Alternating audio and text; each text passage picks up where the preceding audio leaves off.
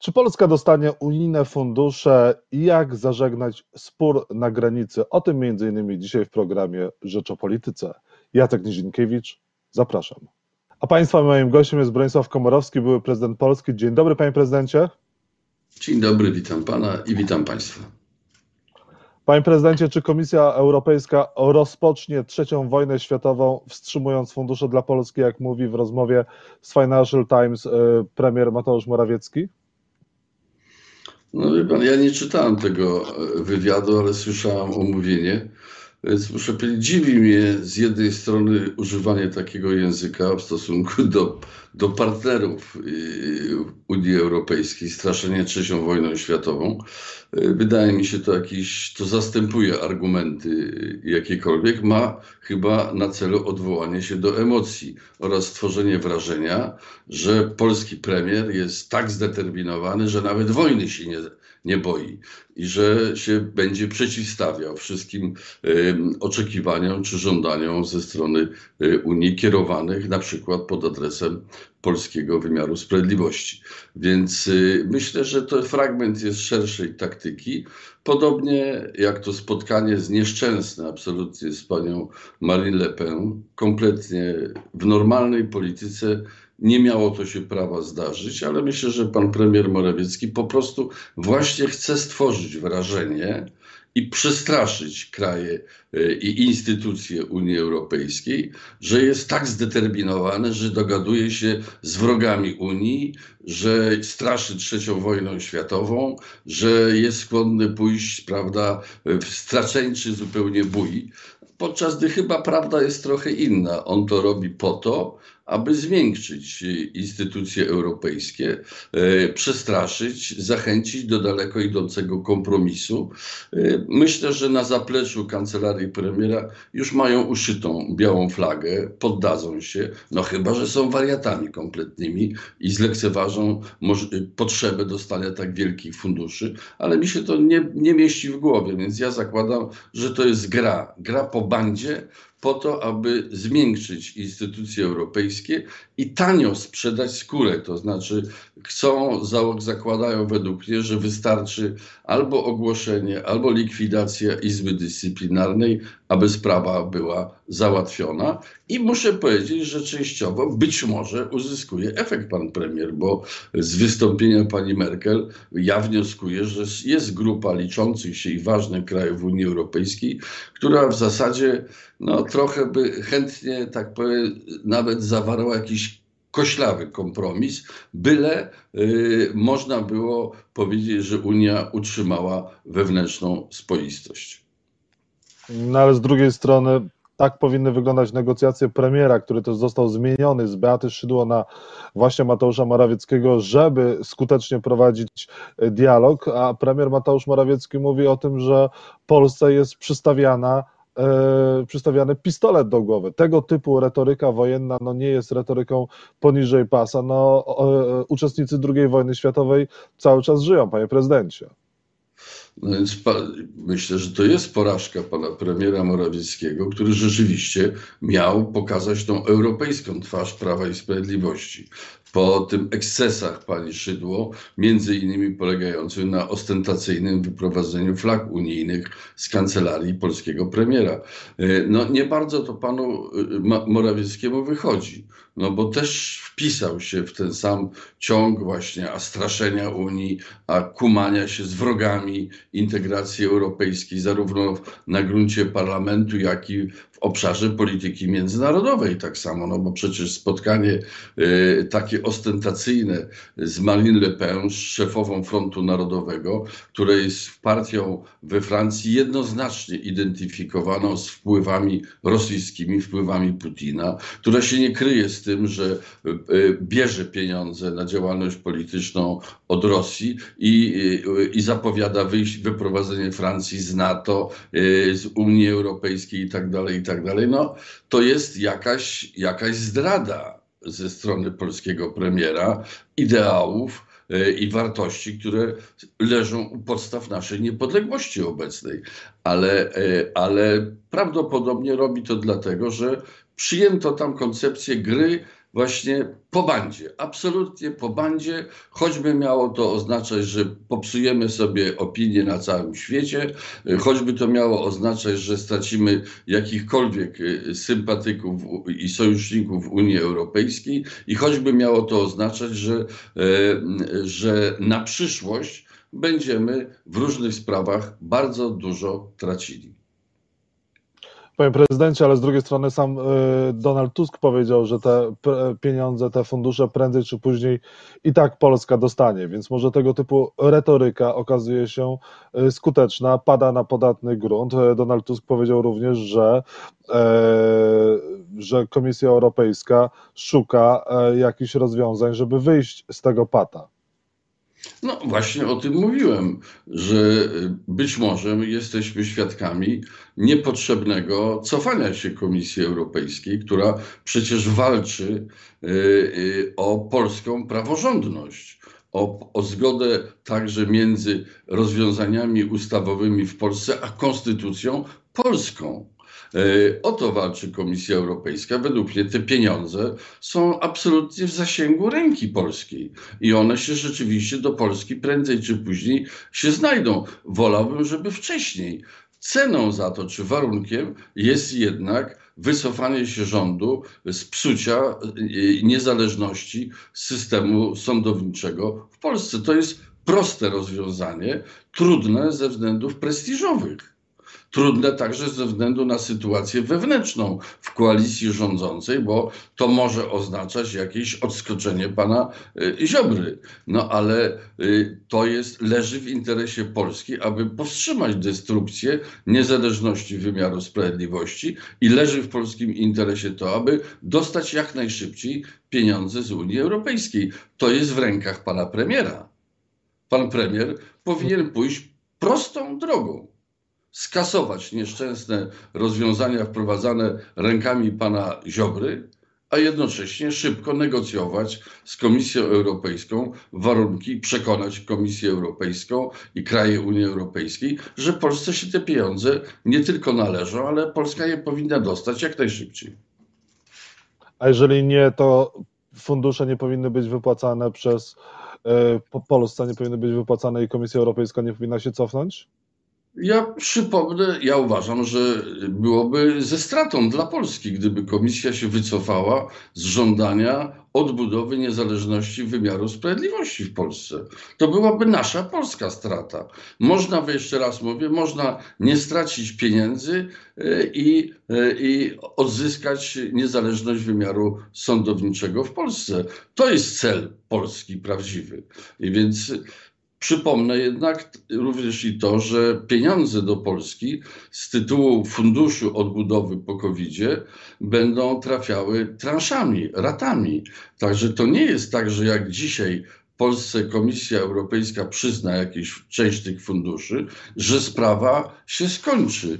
Ona będzie trwała nadal. Ale jeszcze raz powiem, w rękach pana premiera Morawieckiego jest szybkie zakończenie tego sporu i wzięcie pieniędzy. Wystarczy wycofać się z niszczących zmian, niszczących polski wymiar sprawiedliwości. No, panie prezydencie, a jak rozwiązać kryzys na granicy? Prezydent Andrzej Duda podpisał nowelizację prawa o imigrantach, będzie im trudniej o azyl w Polsce. No i pytanie, czy przy tego typu rozwiązaniach no, Polacy, gdyby w latach 80. E, chcieli emigrować i te państwa, do których e, emigrowali, nie mieliby utrudnionego, e, utrudnionej ucieczki z PRL-u. No, pragnę zwrócić uwagę, że pan prezydent Duda podpisał między innymi rozwiązanie ustawowe, które zezwala dopiero teraz na stosowanie tak zwanego pushbacku prawda, czyli wypychanie poza granice e, niechcianych przybyszów. E, to znaczy postawił jednocześnie e, pod wielkim znakiem zapytania to, co działo się na tej granicy do tej pory. To znaczy nie było podstaw prawnych do stosowania metody pushbacku, ale ta metoda była stosowana. Potwierdził to komendant Straży Granicznej, y, chyba właśnie w Michałowie, na spotkaniu z radnymi z tamtej gminy. Więc coś tu jest nie w porządku. Pan prezydent daje uprawnienia w tej chwili, według mnie zresztą chyba niezgodne e, z, z, umowami międzynarodowymi, z konwencjami, które Polska podpisała. Ja wiem o tym, że e, to nie tylko Polska, że inne kraje także stosowały na przykład w 2015 roku tego rodzaju metodę, ale ona jest nieładna. Ja wolałbym, że Polska zachowywała się przyzwoiciej niż inne kraje, które się w Unii Europejskiej zachowywały nieprzyzwoicie w takich chwilach. Pyta pan, co zrobić? No według mnie rozwiązanie Niech każdy robi swoje. To znaczy, Straż Graniczna nie chroni granice lepiej niż do tej pory.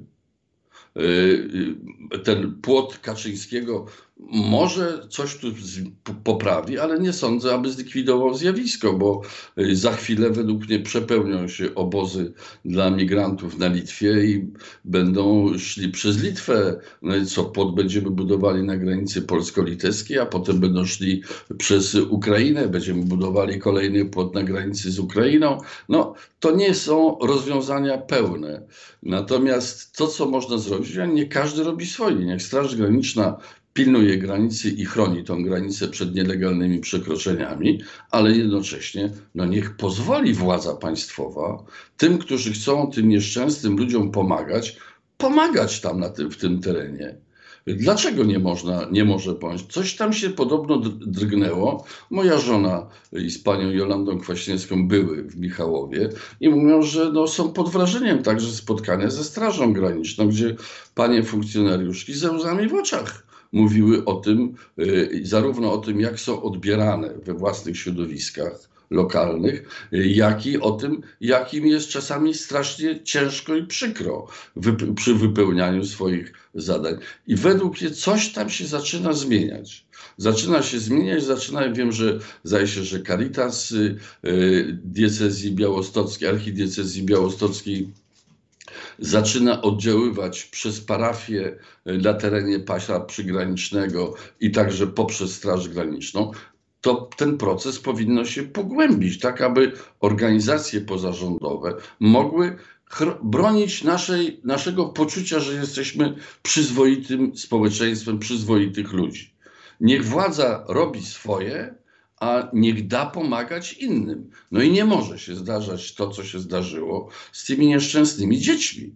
No wie pan, no, scena taka, że funkcjonariusz państwa polskiego szarpie bezbronne małe dziecko, odrywa od matki, no i potem gdzieś wyprowadzają w las na Białoruś, no dla mnie jest absolutnie nie do, nie do zaakceptowania. I powiem wprost, to nie jest tak, że trzeba dokonać wyboru. Albo wpuszczamy wszystkich, albo jesteśmy bezwzględni, chamscy i jesteśmy okrutni wobec, tych nieszczęsnych ludzi. Możemy być skuteczni w ochronie polskiej granicy i tego życzę państwu polskiemu, ale możemy jednocześnie, równolegle zachowywać się w stopniu maksymalnie przyzwoitym humanitarnie.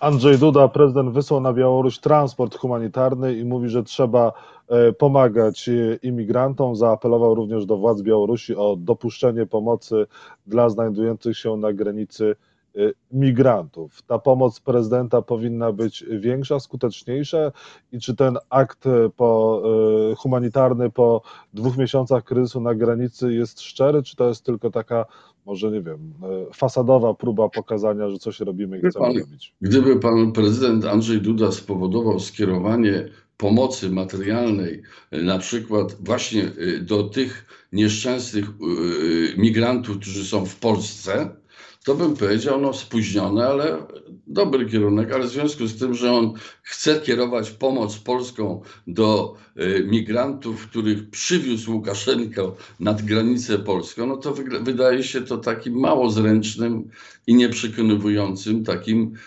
medialnym mykiem, no takim powiedzmy jakimś takim y, próbą po, pokazania, że no nie wiem, chyba trochę zdezinformowania opinii publicznej, no bo rozumiem, że nie jest to eksponowane, że ten transport jest skierowany na Białoruś. Z góry było wiadomo, że go tam nikt nie przyjmie. Ja bym oczekiwał od pana prezydenta, że między innymi upomni się o to, aby pomoc zbierana w Polsce na ogromną skalę y, trafiała do ludzi potrzebujących w Polsce, którzy się znajdują jakby pod działaniem polskiego prawa, ale i pod ochroną polskiego państwa.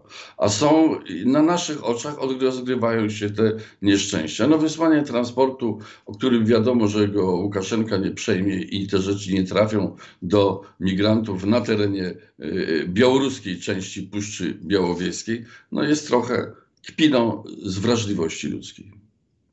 Mhm. Panie prezydencie, niech mi pan powie, a jak wygląda sytuacja teraz e, w Platformie Obywatelskiej? Czy Donald Tusk stoi na, par na czele partii wodzowskiej? Nie miał żadnego kontrkandydata w walce o przewodnictwo partii.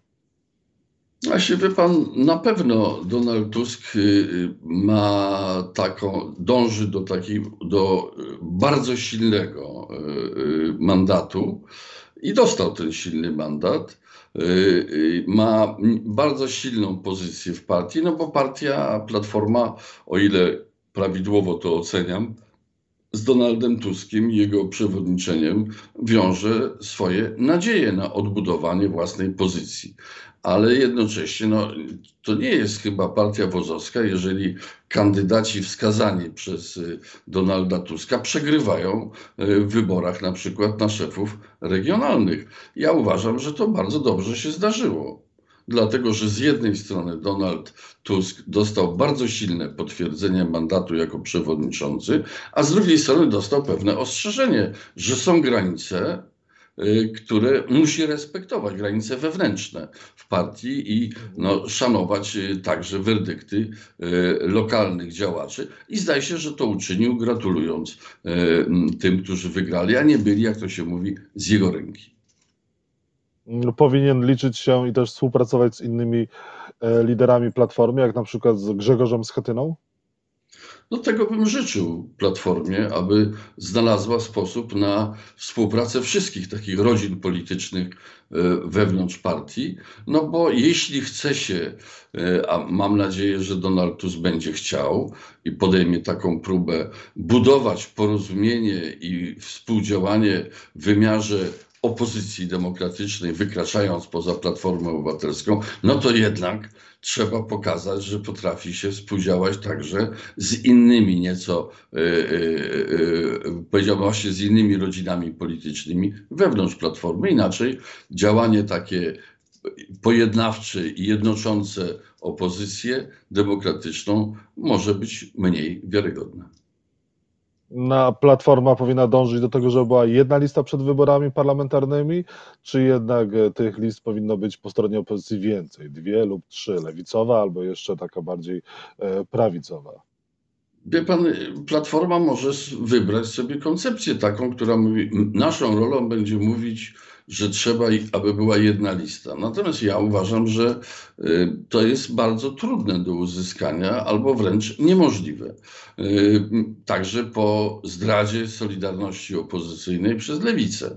Y, według mnie o wiele bardziej realne jest, tak powiem, realistyczne jest stawianie na budowanie forum współpracy jak najdalej idącej, ale na różnych poziomach nie w takim samym stopniu. Na przykład Senat aż się prosi, żeby był miejscem, gdzie będzie jedna wspólna lista obejmująca wszystkich z opozycji, no bo to jest warunkiem y, y, utrzymania tego sukcesu opozycyjnego, jakim jest kontrolowanie Senatu. Y, w innych kwestiach, na przykład no, myślę, że jakieś budowanie wspólnego minimum programowego, który byłoby podstawą sojuszu wyborczego, E, a sojusz może być różny. To może być umowa o unikaniu wzajemnych ataków, to może być umowa o lansowaniu wspólnych projektów, pomysłów i tak dalej. No, taki minimum programowe można zrobić znowu bardzo szerokie. Na przykład w kwestiach europejskich, na przykład w kwestiach polityki zagranicznej. Tu są takie obszary, gdzie, gdzie można zbudować daleko idącą jedność poglądów ale czy jedną listę? Myślę, że to będzie bardzo trudne, a chyba wręcz powiem niemożliwe, więc zakładam, że e, pewnie nie będzie jednej listy do Sejmu. E, I ja osobiście trochę liczę na to, że oprócz silnej platformy y, która mam nadzieję też już się obudowała jakimiś środowiskami, no że będzie także propozycja dla rozczarowanych, a czasami kompletnie zniesmaczonych y, wyborców Prawa i Sprawiedliwości z tego umiarkowanego y, brzegu, prawda? Więc myślę, wiąże te nadzieje z jakąś formą z kolei głębszego, głębszej współpracy i partii pana Szymona Hołowni i PSL-u. Bronisław Komorowski, były prezydent Polski, był Państwa moim gościem. Porozmawiamy jeszcze nie raz, bo do wyborów też troszkę czasu zostało, chyba że będą przyspieszone. Bardzo Chyba. dziękuję Panie Prezydencie za rozmowę. Dobrego dnia. Dziękuję. Do widzenia.